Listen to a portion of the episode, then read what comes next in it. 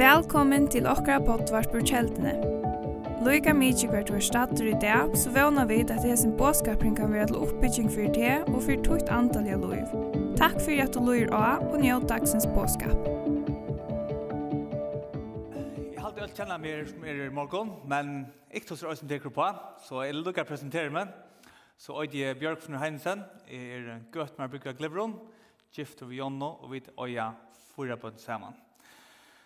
Og til å fremgjøre etter å kunne være i morgen og kunne fortelle mot selv, det er noe som jeg brenner ikke for. Og jeg håper at jeg kan gjøre løsning til av til som jeg brenner hjertet ikke mer, at jeg kan bedre iver på en, en god måte. Og tog at, jeg vet ikke om man kan si, jeg avvarer det, så Israel er blir en sånn åpenbering mot løven, det er som om at bøyplan er blevet så reell og større, og gods år er blevet nek rykere, ta effekt lukket som vi ser åpenberingen av kvært Israel er, og kvært løglet Israel hever, og i Guds frelse i Atlan, Atlan med Jøknum. Og så uh, hvis jeg undervis ikke det, kan gjøre noen sinter, så er det vi super, så er vi mega takksammer. Og det er så er det ikke en parst, og så kommer Erland og til Givratna, og så får det enda løtene vi brevbrodding. Så om klokken 5.30 var det håper jeg at det blir rivet ut, men vi vi drar at uh, få det genga så godt, så godt og så mulig. Men er det löje at man er spent i Israel och judiska falsknon? Ta du hukse om at eh eh Bibelen, hon er godsår, men samtidig er Bibelen sövan om jødene. Hvis jeg har fortalt litt om det, at uh, farja søva, det er godsår. Hei, er det skivet en utrolig mening at jeg har lært om farjar og lært om føringar. Hvis jeg sier vi tykkene at farger seg vant er Guds år, det er Guds røynderska år, så selv om det er hei føringar og farger veldig relevant. Og på samme måte så tykker vi at uh, Israel og jødska folket er utrolig relevant da det kommer til samkomna, tog det er samstånd søvann om jødene. Men hva er det som er så fantastisk for Israel, og hva er det her land å gjøre ved kristne samkomne? Og hvis jeg skal gjøre det ordet stått, så er det Guds frelse i atlan at uh, kunna föra kunna attur inn og ta nerverna av døtt i eten. Så i etens hava så ble en skillnad mellom god men mann atna og bøyna veien, så ikke langt ut, bøyna veien at god sier, åh, oh, han ikke har kommet attur menneskene. Men god er høylaver, og han kunne ikke bare komme attur og sier, ok, hva skal han til ordan, at her til fotler, jeg kommer attur til likon, til han er høylaver, han kan ikke liva sammen sint, og Og han måtte fyrrøyga seg en vei, han måtte gjøre seg en vei klarer å komme atter til mannatna. Og, og, og han, han valgte seg to jo et folk, og man kan helst si at han, han gjør det seg folk, til han, han kallet jo Abraham, og ut fra Abraham kom folket. Og, og etter folket, de lærte han om, om høyla løyga, han lærte om offer, og han vurste noe av landet, og alle synsene, og Så han gjorde alla vägen klara så så han till ända han kunde bosettes etter i mitten folk. Og da han komma börja vi bosätta sig så, så bor han ved siden god han er, han er ljøse. Så bosettes han mitten folk og börja vi, men det var et forreng for Men han bor nær vi, men det var en, en, en, det var en forreng for et tjukt teppe, så så god og, og menneskene ikke stopper oss sammen. Men så tar tøyen var fullkommen, tar alt var klart, tar det lært alt med hele løkken og alt. Så kommer uh, god og kallar Maria, og etter vi er en enkle, og han skal øye bad, og hun vil, han vil vi vi i andan om, og Jesus kommer, og Jesus han lever hjørne, da han tredje var gammal, kommer han ut og forteller til at han er Messias, og da han tror det, så fullt kommer han i den. Ta fullfører han sitt kall, og da er krossen og ta skrattna i forrenge, og vi tar på innatur i det aller høyligaste. Og henta nærværen som var i Edens hava, hon tog nu bostad i okkon. Så er det løye at Israel og jødska folk er næra særlig. Det er Guds frelsvever at komme inn, Guds han at du kan komme til mannattene.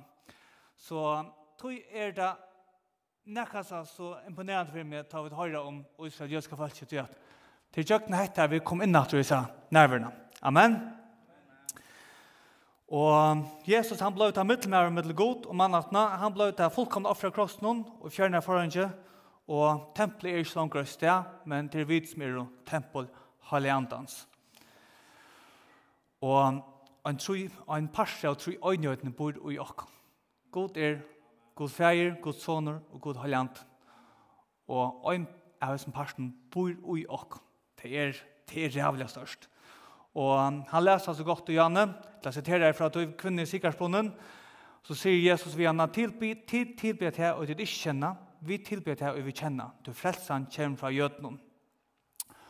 Og til at vi er til gjøre morgen, er at man får gjøre noen søvnene til Israel, halvt fra Abraham, og, og fremme etter, jeg kommer frem til år 135 cirka, etter frem til år 1800 i Stotten, og så kommer Erland å fortelle hvor jeg er. Om den nødvendige parten. Så jeg håpte vi på disse feriene av Ferdjøkken Bibelen, og så skulle du høre om, om Guds trofeste, og hvordan trygg hever en større tøtning i det andalige. Alt er, alt vil drive av trygg, alt av kristne livet hever drive av, av trygg, og trygg er noe som vi, vi blir ved å lære om det og høre om det, og det er noe som vi først halder vi et ordet vi har funnet av trygg for, og i kvart har man følt seg aller vøykast og bare så fall godt, Og så er det bare tanntrykk for natt, det slår jøkken at det er. Det er veldig riktig å beskrive trykk uh, og stått om, men det er fotvissen til å være over samfunnet som ikke sast. Så, nå får jeg da bli på søvnene. Kan jeg få fjærsynskjønner? Vi færa forra oss snar etter tog, og vi der i Ur Kaldea, og det er i Sur Irak. Her var Abraham, Han var han var kattar och gode. Och men han var var här på så så kom god till han och han säger Herren säger Abraham, fär ur landet till honom, fra kyltfältet till honom och fra huset färstons till landet jag ska visa der. Jag ska göra det störst folk, jag ska signa till och göra namn till störst och du ska vara signing. Och Etter sier han ved Abraham, og Abraham har ført trygg, han visste ikke hva færre han ført, Han får bare sted, og han får av sted og i trygg. Og det sitter her i Orkaldea, helt til Sjore, og han får så gengende, kom her når til Karan, og stekker en av tog her bort. Og vi leser i brevbrann 11.8. Vi trygg var Abraham Lojen, ta han var kattlaver, så han får ut til stegen, han skulle få i arv. Han får av sted, til at han visste ikke hver han kom. Og jeg får ikke, det er spennende at man får jøkne der at kunne stekke opp negastene. Så negast søvn, det har vi øyla stått der, at de kjente søvn du kjenner, det er simpelthen for jeg kommer jøkne alt ut det. All right? Og det er for jeg viser, og det som jeg ikke viser, at det er gods lyfte, og om gods trygg heldur til sammen. Så han kommer, så stekker han tøy, og så kommer han ned til, til Kanans land, og det er så vidt det kjennes som Israel. Og her bor han så som fremmandor. Han fært forsvinner, og Ismael og Isak, og lyfte som han er finnes for goden, derfor vi er til sonen Isak.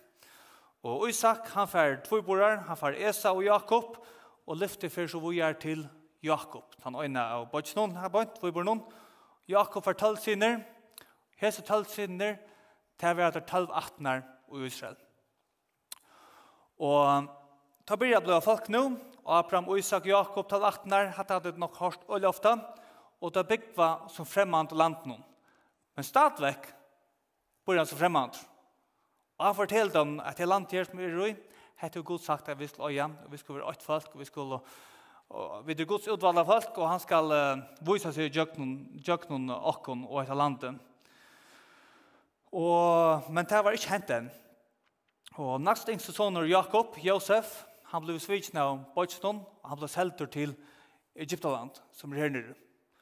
Og uh, men han bor i Egyptlandet, så vil han hunkersnøy i Mestre, og til avvarskar Østene Kanans land, her som Abraham og de bo, eller ta var vært Jakob og Sinner bo, og, men i Egyptlandet her nokka av kottene. Og de færre så til Egyptlandet, og for å gjerne relja lenge så stutta, og som er øyla, øyla gøysøva om Josef, så enda det vi at all familjan tja, tja Jakob og Sinner og alt ett, alt ett kommer til flytta til Egyptland. Ta er det alfjers folk som færa.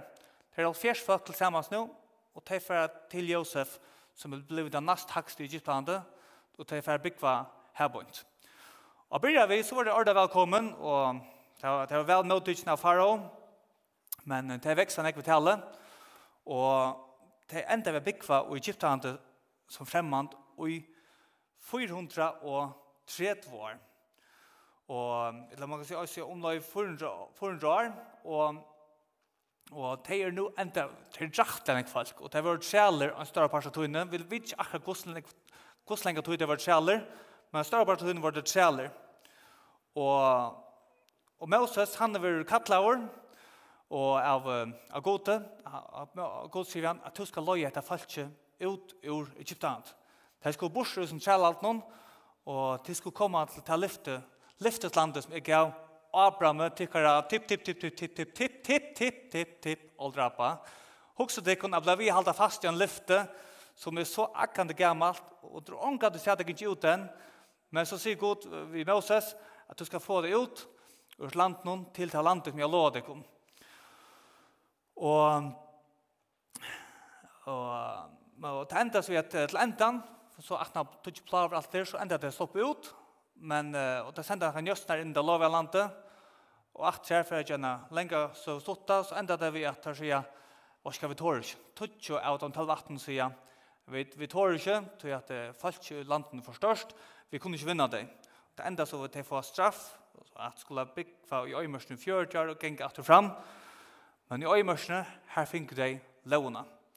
De finga laun av sinnesfjallen, og her de også finner vita hvordan hva var rett og hva skrøft, hvordan de offre for å komme eh, nærgode, og også var det her på en god tog bostad med det folk. De skulle bygge tabernakle, som er et omvandrande, eller et fleksibelt eh, tempel, kan man si. Så det bor i Øymørsne og finner tabernakle, og, og Og atna at jeg bor her på en, så er det at jeg vi Josva, at han fjørte år i Øymarsen her på en, så vi Josva slipper det inn i lovet land. Og øtlanda, nustande nu, så ikke det jeg lyfter gang ut, som Abraham er finnes. Vi snakker om 600 år 18, omløy 600 år 18, at Abraham er finnes lyfte, så var det kommet inn i det lovet land.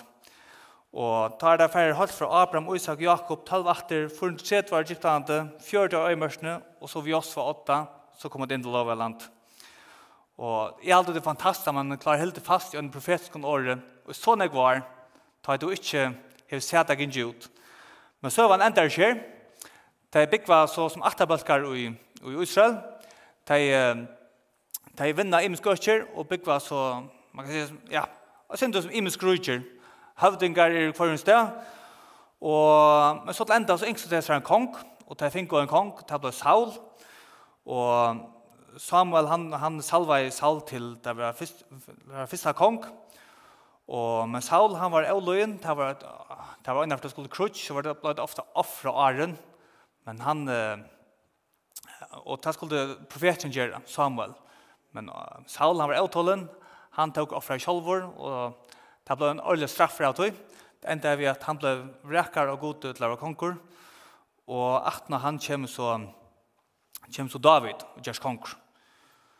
Og David han sauna så tjevna, og det ble til ein tjev under, under David og under sonen Samuel, løsne. nei, uh, Salomon.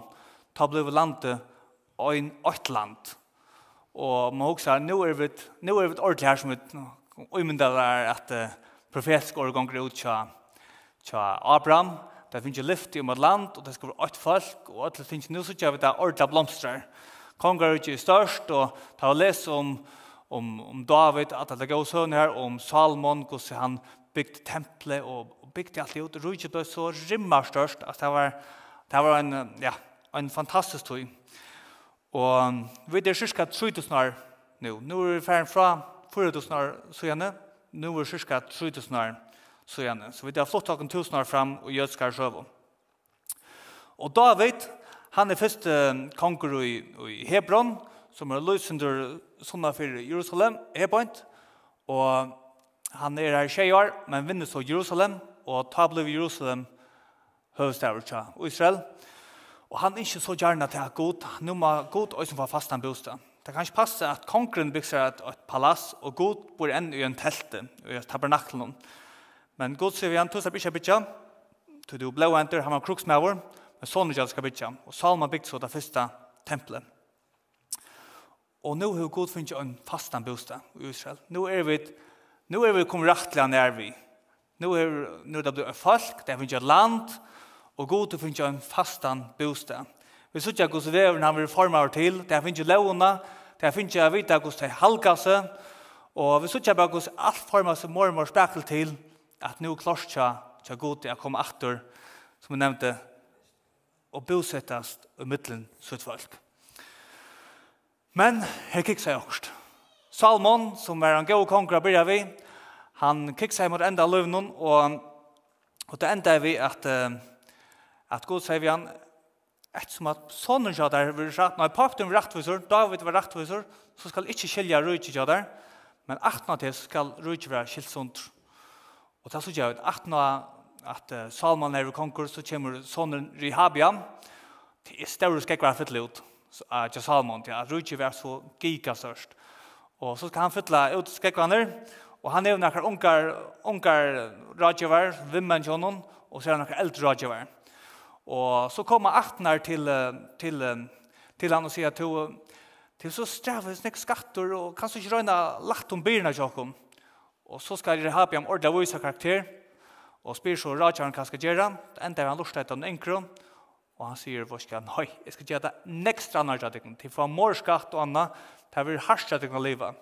Och örsligt blev att tutcho åter att de 12 tar slit från rutschnon. Och Og Israel ble dølt på tvei rujtje. Det ble det norra rujtje, som ble kallet Israel, og det sunna rujtje, som ble Juda. Her er, er litt innskott setninger, Juda, det her navnet Jødar kommer fra. Så da vidt det er to som Jødar, så er det Benjamin og, og Juda at. Og rujtje ble dølt sundur, og i norra rujtje noen, her kommer det nødvendig rødstavur, som heter Sikhem, Og tar hatt oss, men jøda de er en trobløyge til at trutjer for mer mot å komme til Jerusalem, her som god bo i tempelen, at offra. Og ta måtte jeg røyna fjerna, så ta kom igjen av lost, da gjør det tvær nødtjar offerbojer i her Norge, og en var Dan, og en at um, uh, lukka, ja, Dan og Betel, Betel ligger sørsk her. Så blir det et offre her i Stenfyr, og ikke i tempelen, Og det er en stor, en størst brått. Du kan se om oss veldig god at offre, men det er valgt så at jeg nå kjører har offerbojer. Og det blir mer og mer verslig til når. Det er det når er ikke, det blir mer og mer verslig og blir også hava avgått av dyrskan og anna landet på i. Og i samme tøyene som er til hent, så er det imensk hamsvelder som skiftas middelen. Lukas vet det hava USA og Russland og Kina og Og så kan uh, världen hon kan flytta seg. Fra hundra rätter så var England, det var hamsveldet, det var det som bestämmer i Rödlund og det er det ganske eh USA går så vidt oppleva det, hvis man fer til Asia, så haltar det helst Kina er til hamsveldet som er, men vi vi, Hamsväldet kunne brøydast. Og Det som hendte det var Assyria, her var et hansvalde ta, og tar teka og herstaka alt av norra rutje, og tar teka falskene og kvar det er utleggt, og kvar er nudge Og det gjør man, man blanda i alt rujtje. Så man fengar en rikve økjon, så tar man og skifte mitt av landene. Det så gonger 8-8 lilla 2, så er han tjauskabarkjenslan, hun er deg ut, og, og, og så først du, eh, først du at lever 8 land. Og sånne uh, rujtje, det har vi ikke vunnet ta, men det gjør så etter. Det har vi det bare juta etter. Nå blir det ikke skøyene ved. Vi ser jo gjerne at det var alt så så perfekt ut, og det var mest som klart at alt skulle komme hende. Nå gong da skøy man ved, og i liften ikke godt. Og sånne rujtje, det enda så øyne vi har vært kors utlagt. Det var det at andre rujtje kom til, det var det Babylon, det var ikke Syria, det var det Babylon som er kom til Hømsveldet. Det var takk sånne rujtje, og takk at det var Babylon. Falskene, nekka ikke alle falskene, men de som er politiske og de høyt og skjøtt annet. Og ta er vi her som Daniel Vimmenner, tan, tanperioden. Og de kom altså etter 1870 år. Det var også noen profetsår som kom. Og, og i tog utleggingsvertat, da ble tempelet lagt i øye. Men da det kom etter 1870 år, så ble det 17 tempelet bygd. Og vi er nå cirka 506 fors fire krist. Og minst av år. Så omlegg, hvis vi rundt 500 år fire krist, er vi nå. Så nå har flottangen fra Abraham 4000, David, 3000, og nå er vi cirka 500 år fyrir Krist. Og enn ta og i utleggene, ta i alt. Alt jeg gikk så skal jeg skøve, så tro det lyften. Jeg vet her var stadig til lyftet fra Abraham, at vi skulle få land i atter. Og vi er nå kommet til Jesu tog, og fra sørste bøtjen i, i, um, Gammelsmentet, Malakias, så er det 400 år, jeg har ikke hørt noe Her, her er ikke tekster, bibelske tekster her. Sjån det søvann fortsetter, og vi har en jødska søve til brøtene. Men uh, vi kommer nå til Jesu tog, og tar det romverger som et annet håndsfelte, tar heva, tar det rei over Israel, og Israel er ikke kjølstøvått, og nå bygger vi, tar 18 er 8 juta, og, og Benjamin tar bygger bygver, så jøder tar bygger bygva 8, ikke bare i Judea, men Øysten tar bosett i alle norre trend av inn, Og øst i Israel, det som vi kjenner av Bibelen til Galilea og Samaria og Judea. Og Samaria, det var der, altså tog ikke tutsi atnar, det var tiknar ut, og det nutja falt på kort inn, det var i Samaria. Så det var så fremmant, fremmant folk. Det tog jeg, det tog jeg jødene ikke gikk ut gjennom Samaria. Så det ville ikke fære møtlen, så avgått av dyrskærner. Så det var heldig gang at hendet av en, at jødene satt han noen, og Nord Galilea. Og, og nå er tog klar, atna allt allas perioderna nu det det är lärt at at offra og alla tingene og mycket som råkan nu var tog klar og Jesus kom som människa eller god kom som människa som Jesus nyrligare og han var född av han er jomfru Mario og han som 30 år gammal uppenbarade seg som Messias og fullförde sig kall som 30 år gammal og gjerst okkara fullkomna av krossen. Forrenge som visste henne, ta skrattneie, Og Halli Anden som bor i i tempelen, han bor ikke langer i tempelen, han bor ikke langer i Jerusalem, øyna, altså på at han, nu bor det i okken som trykva. God og nu til ikke bostad i okken.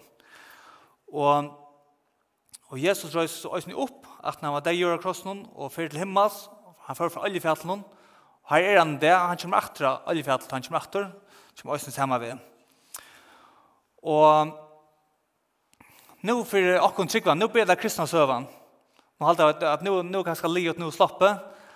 Och nu har gjort han inte några sia mer. Då att nu är nu är det nu är det vi kristen, nu är det vi som är kristen. Och så så att tyvärr väljer en sån skojklan av ordnon tjock lenka periodo att att när Jesus kom kommen att så är det inte viktigt att vi gör någon och Israel. Det är inte viktigt mer tog jag att nu har god bostad och jag kan tryggvant. Men det er ikke det som Bibelen lærer oss. Det er ikke det som Bibelen lærer oss. Og det er en utrolig viktig, viktig vi kommer inn at det man løter, men uh, for jeg lukker avslutta hendet parsten, så, så, så hender det at, at uh, Jesus han, han døg jo og for himmels, og så ganger han nok få år, og i år halvfjers. Så er det en stor opprøst. Du kan huske at jeg gjør det, det er alle noen andre som er valgt i dem. Det er ikke opprøster, det er vite til at Messias skal komme og være konkur i okkar rydde, og vi skal være, han skal være, han skal være konkur i okkar rydde. Det er huske av oss fysisk rydde. Det var ikke det minnes at Jesus sier, du tar spyrir, når skal vanta ryddegods? Det var et spent på etter profetiet. Etter profetiet som Abraham vinner, når skal vanta det kommer? Da sier Jesus, ryddegods kommer ikke at han har som ditt halte. Det er ryddegods på uidekom. Ta vurste nå at dette rujtje som vi tar seg om, det er ikke av fysisk Israel her nå, men det bor ute om. Nu skal ikke være alt for deg ut til at det er Jesus makter 17 før. Ta ved av fysisk rujtje i Jerusalem, her han kommer roa i tusen år, alt det der. Jeg skal ikke komme nå til nå, men det som Jesus sier, han sier, det bor ute om. Og, men etter det her, tar George opprøster, og det enda hvis opprøsteren han eskalerer i, og det ble en ordentlig opprøster i Jerusalem, Og det enda er vi tempelet, det ble lagt i øye, det brentest, og det ble større utlagt jøder ur utselter for rundt alle verene. Det ble stadig nærkere jøder etter, og etter er 135, da var det etter en, en, en opprøster, og det er, åh, jeg glemte hva det er, det er bare kokk på opprøsteren, tar etter nærkere jøder som gjør opprøster i 133, og tar få faktisk rei i Jerusalem og sindre Judea. Og ta, ta blir keisaren i, i Rom, uh, Hadrian, han sier, han sier, nu, nu vel, hetta er mykje mor. Hetta folk i streve, de ble vi ikke opprøster. Han gjør til at han, uh, han fer vi nekvar hermøye, og fullstendig ruttar jødene ut ur Judea. Det er alt det økje med vusja Judea, Janne, det er rutta for jødar, Han gjør Jerusalem av nytt navn. Jerusalem skal heta Elia Kapitolina. Og han gjør også noen navnet Palestina. Og til fra årene, eh, hvis du sier enskån, Palestine, Philistine, altså en filistare. Så det kommer fra årene av en filistare, så er det Palestina. Og han gjør det der røyner provokasjon, som sen kom stått i nøyene, for at for jeg provokerer jødene at nå er det tikkert erska fortjenten, oppkattelig land i ettertøy. Og her færa det sørste jødene som bygde i Judea, tar vi lukka som ordentlig feier ut ur Judea og færa rundt alle verna.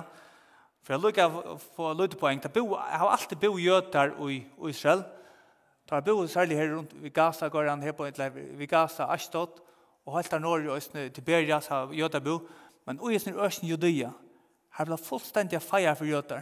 Tar var alle kort rundt, Og den større utløgnen er nå at det er ferdig ut atlan heimen. Og det bygger rundt atlan møsen.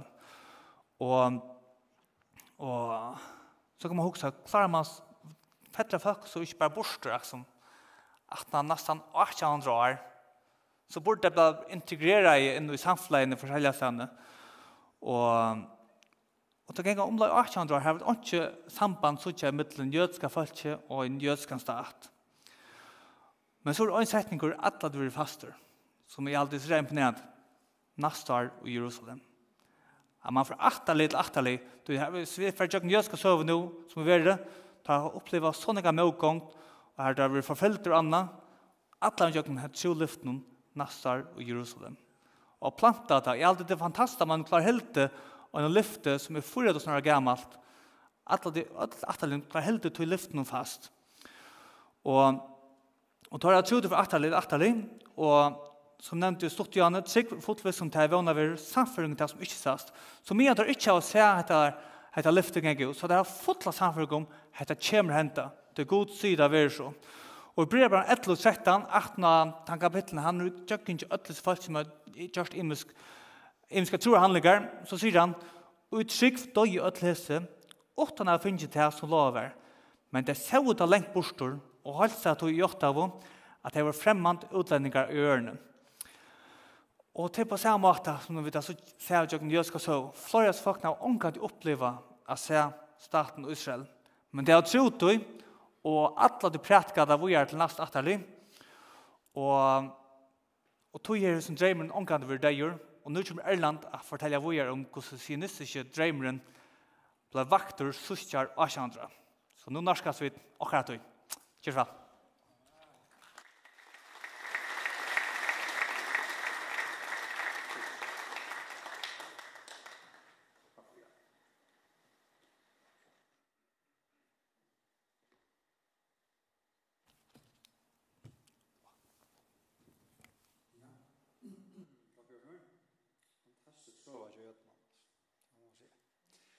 Ja, bara för att lukka att um, som Björk finner att se hur är det först så er jeg Erland Tvørvås. Jeg er gift vi Heidi, som er eldste systeren til Bjørfene.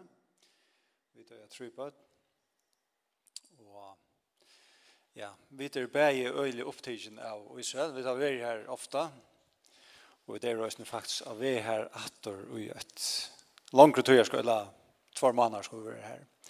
Fra halvann august til halvann november. Så takk gleder dere til. Ja.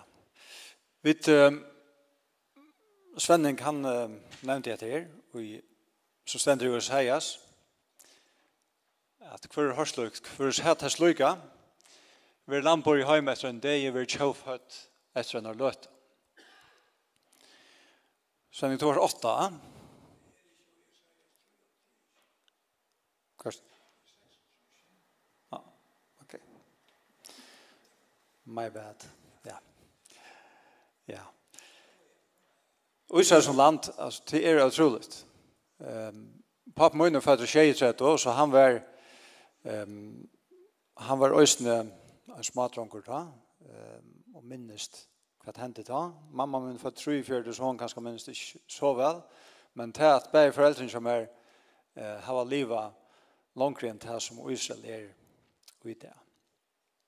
Det er, ja, det er utrolig tanke. Um, Bjørkvind, han snackar om at her vi at til er og av oss er heims, eller som heva og sinter styr og til perioder her som som rujtjer heva ordla dominera heimen, nokkur rak, som søvlig rak. Og til vi kommer til enda av 18. talen om, ta er, må sier at heimren, han er sinter, særlig at han snacka om Europa, så er det noen land som kappast om å få så større avskan som gjør litt. Til England og Frankrike og til Tyskland. Og nationalismen er øyelig utbrøyt i Europa. Um, og dette er også en point og er en fyrir Hønsberg der i byrjar. Få at um, tar vi få den her um, sionistiske tanken til første 18. talen og til Hershel som er han helt markant figuren i turrørsene. Um, ja, til, til, for så vidt er det et politisk prosjekt, um, verda lusjom, jeg halde jeg man kan si at det er et, um, det er også et andalig ting, ja? at uh, god brukar ansettingar til at uh, gjøre sitt versk øsne. Til Hersel, han er føtter i Ungarn, som tar vær et, et keiseravelde, som er Estrid Ungarn. Og han flottet til Frankrike, arbeid som blæmauer. Og han hei um, a byrja vi uh, en sånn tanke om at visse jødene blev assimilerere. Så han snakker om hur fast leva samman så så kan man hvis, hvis uh, vi tar Götan som döme så kan man snacka om segregation, ta och säga att det för sig eller man kan snacka om integration så att det här samman vi uh, vers falsk någon men här var såna eknomenta som vi skulle döme i Danmark här är en uh, synagoga och Jag ska skriva det lömmes, så jötan er jo här, men tar, tar livet samman med danskarna. men här var sånn eknomentan Og så jeg sier, han tror jeg synes på assimilasjon, til å si at jødene er fullkomlig ble lykka som versfaltja. Og han helt, altså landet som vi gjør det her, så, så er det leie. Um, men det er særlig en hending som er um, som, en, som vekker han ordentlig til en uh, jødeskur offiserer i franske herren som at Dreyfus Han blir akkurat for oss helt uh, løgnlige opplysningar til Fudjunda, til Turskarna. Og det finner man så til av at det er um, altså de prekvene som er møter om, de er å fabrikere. Det er anker som uh, til en samansvøring, ja. Men uh, bare til at han vil akkurat, du, det gjør til at Frankrike uh, florerer antisemitismen. Og han ble pura sjokkeret over oss nere. Og så, så kommer han til nyrstående i sned, at det, att det kan bare ordnast, altså jødaspurningen, han kan bare ordnast hvis uh, fratsa tjauer finner ta oss ned sammen, at, uh, få en, en jødsk, at få en jødsk stat. Den første sionista kongressen, hon er ju 1896, og det er til hersa som ble leier for terrasjene, her er det også nekvar er menn, til er, for det meste er det menn, Og i 1895, og i en fund i Basel, eh, verur eh, verur det mer formalisera at et kjell som vil skriva, og han sier ta til et særsel, til resultatet her, at om jeg skulle tidsa saman om Basel kongressena i Øynåre, som vi ikke gjør i allment, vil det vi hetta. Og i Basel ståna i jødiska staten. Om jeg har sagt at det vil de vi møte i Latre om fem år, kanskje og i kurs, kanska, og i kurs er om alt trus, for ødla sykjela. Så dette er ulja profetiskt på ta maten. Ja. Um, man sier til at uh, nekra som sionisten om um, tar, um, tar halt at jødene har vært sin for passiv. At tar har bare lyse skriftene til oss og så där det boia. Um, Men tar halda til at dette må brøytast. At jøden han skal endurføast og han skal være mer aktiv. Han skal fære etter tog å få en jødskan stat. Så den her, at dette kjellet fra Basel, her vil avsett at tar skal arbeid med å få en jødskan stat og i tog som fyrvær og isel. Og derfor er det så i gang til å skaffe penger lømmes, at det her er et uh, en sånn et attak i heter for USA her som gjøter her selja blomster for å futja kjeip av gjør og i tog som ta Palestina. Ja.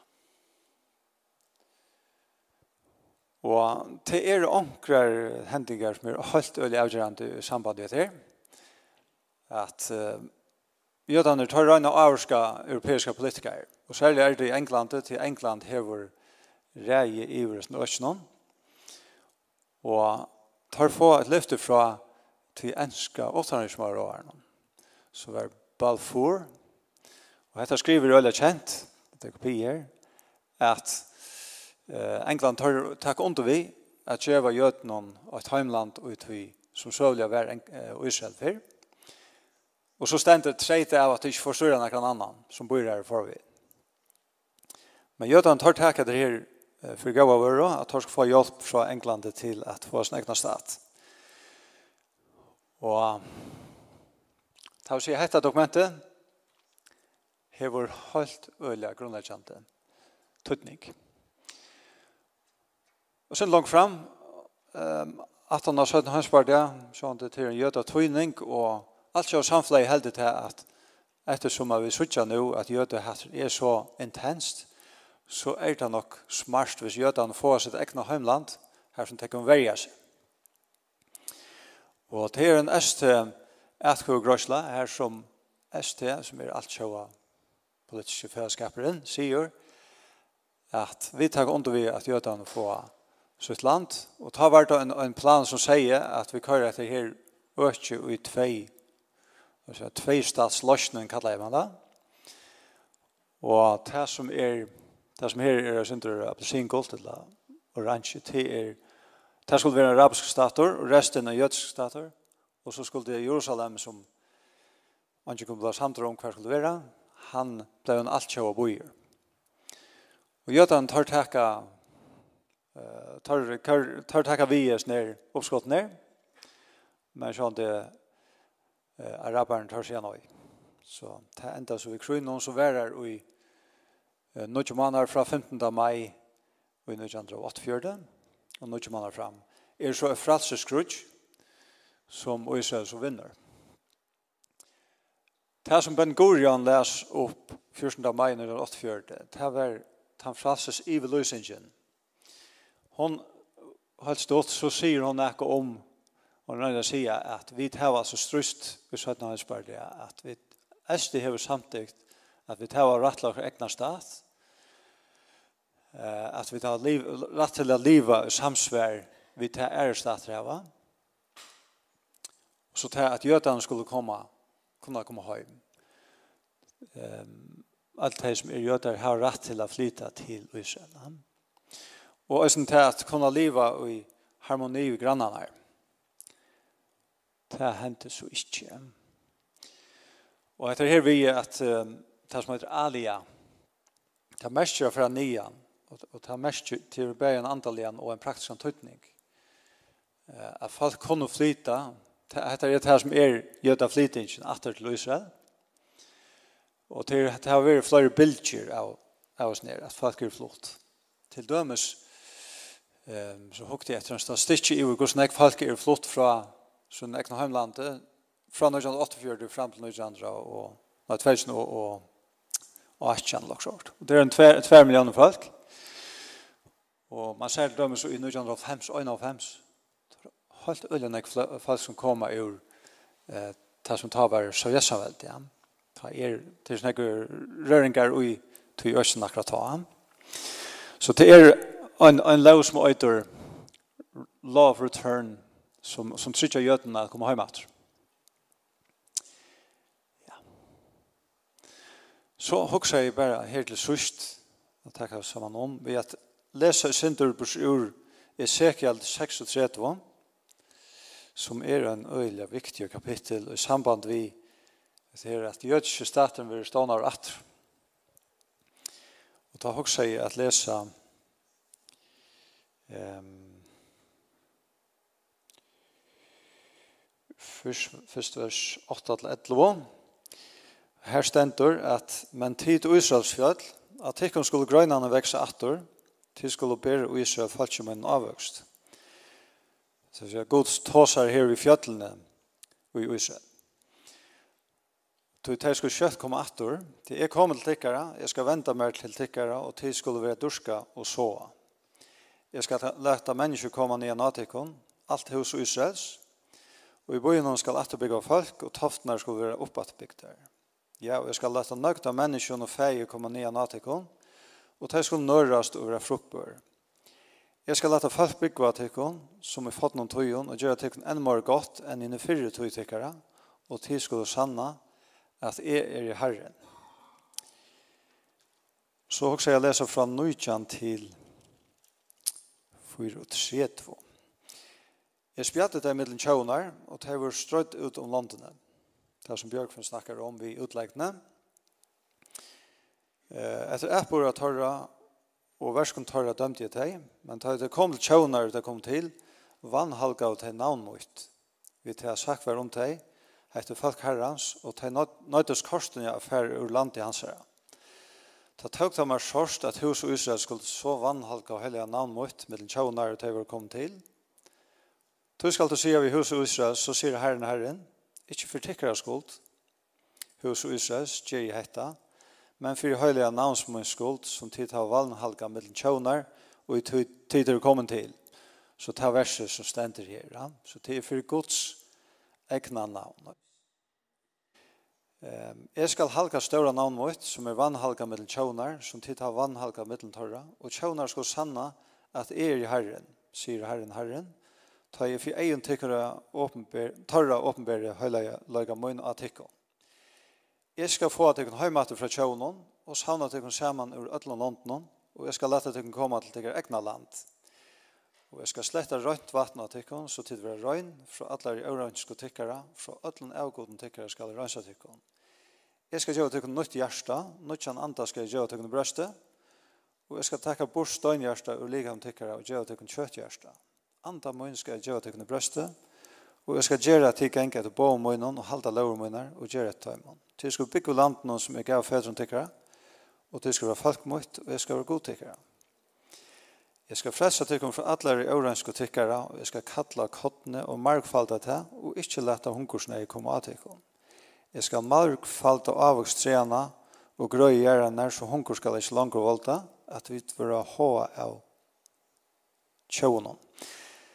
Ta skulle til minnast enda appor tikkara og vera verst tikkara som ikkje var gau, og til skulle vamlast vi tikkun sjål for misgjur og vi er tikkara. Ikkje for tikkara skulle gjer i hetta sier herren herren, ta skulle vita, blikkvist og skammist om appor tikkara hos Israels. Øyliga profetist, sier. Ja, at fjøtlene skulle blomstra atter. Her er, her er tvær mynter, henta er ein her som, altså hette er ein øymørsk, her er sandur, og tei planta og få at det at, så ikke så det ut, at jeg ikke skulle kjenne til hunker atter. Og bojen er som det er så ut, som rett Tel Aviv dømes, han var stående første nøytjende han, og han er blevet en ordentlig metropoler, Ehm Jødene er jo cirka 0,2% av samleia falkatalen i heimene. Vi er rundt 8 milliarder, og her er det ca. De som sier seg først og fremst være jøder, er omløy 16 millioner. Og i det er antisemitismen stadigvæk rettelig utbrøyt. Vi sier det i Europa, vi sier det i USA, vi sier det i Østene Mia, så kjønner det og alt så samfunnet som så er rullig kritisk i for SD, nei, i for Israel. SD har samtykt, en rikva har samtykt hun, som er mot Israel. Det er landet som har mest samtykt er møter seg til Israel. Men hinveien så er Israel er en oasa i det. Uh, Israel er framalega og holdt øyla nekvun og sjån. Budskapen vil sagt og sambarst uh, en blei som heter Fortune, er at han fjør mest fjør beste budskapen vi har med i fjør. Og her vi startet opp, så man begynner nødt til fyrtøkker til, til nummer 80 i heimen. Så det er som fyrtøkksomt. Og her vi at uh, R&D tar vi at man uh, granskar og, og, og menner nødt ting uh, til nekva fyrtøkker som flyter altså alt av fyrtøkker som flyttar flyttar sånne dalter til Israel tog jeg så gav urslit eh, komme herfra. Og et annet ting er at det er per tøtsdusfolk er Israel til land i høvnen som har flest granskare, takninger og verksfrøyngar. Så det sier noe om utbyggingar støy, ikke da? Og så er det ekstremt framalega vi, eh, vi, vi lampen av takne. Så tar, tar, tar hungra ikke. Og det er veldig grunnleggende ting hinner kan man også si at det er et er ikke nek vatten til, og tar helt framalega ved at avsalta skjeg. Man vant at Israel for å være netto utflytter av vattnet, og en økjert som ikke nek vatten til. Dette sier dere bare til at her er onker vi, det er ikke bare noe som er naturligt, det er akkurat unaturlig vi Israel. Hva er det som gjør at Israel er så framalega at han klarer seg så mye vel? Så dette er viser bare til at um, det som er sagt lengst igjen, som et profetisk år, det er noe som gonger ut. Vi vet ikke, timen ikke når jeg gode, men dette viser bare til at Israel stadigvæk er en parster av freds og atlan gods. Amen.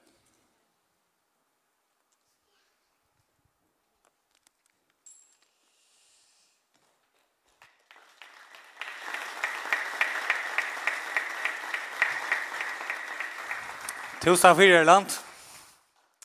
Det har han lær lagt litt. Jeg legger vel fyr. Tid, um, jeg halte at dette var ordentlig godt som kom vi oss nå.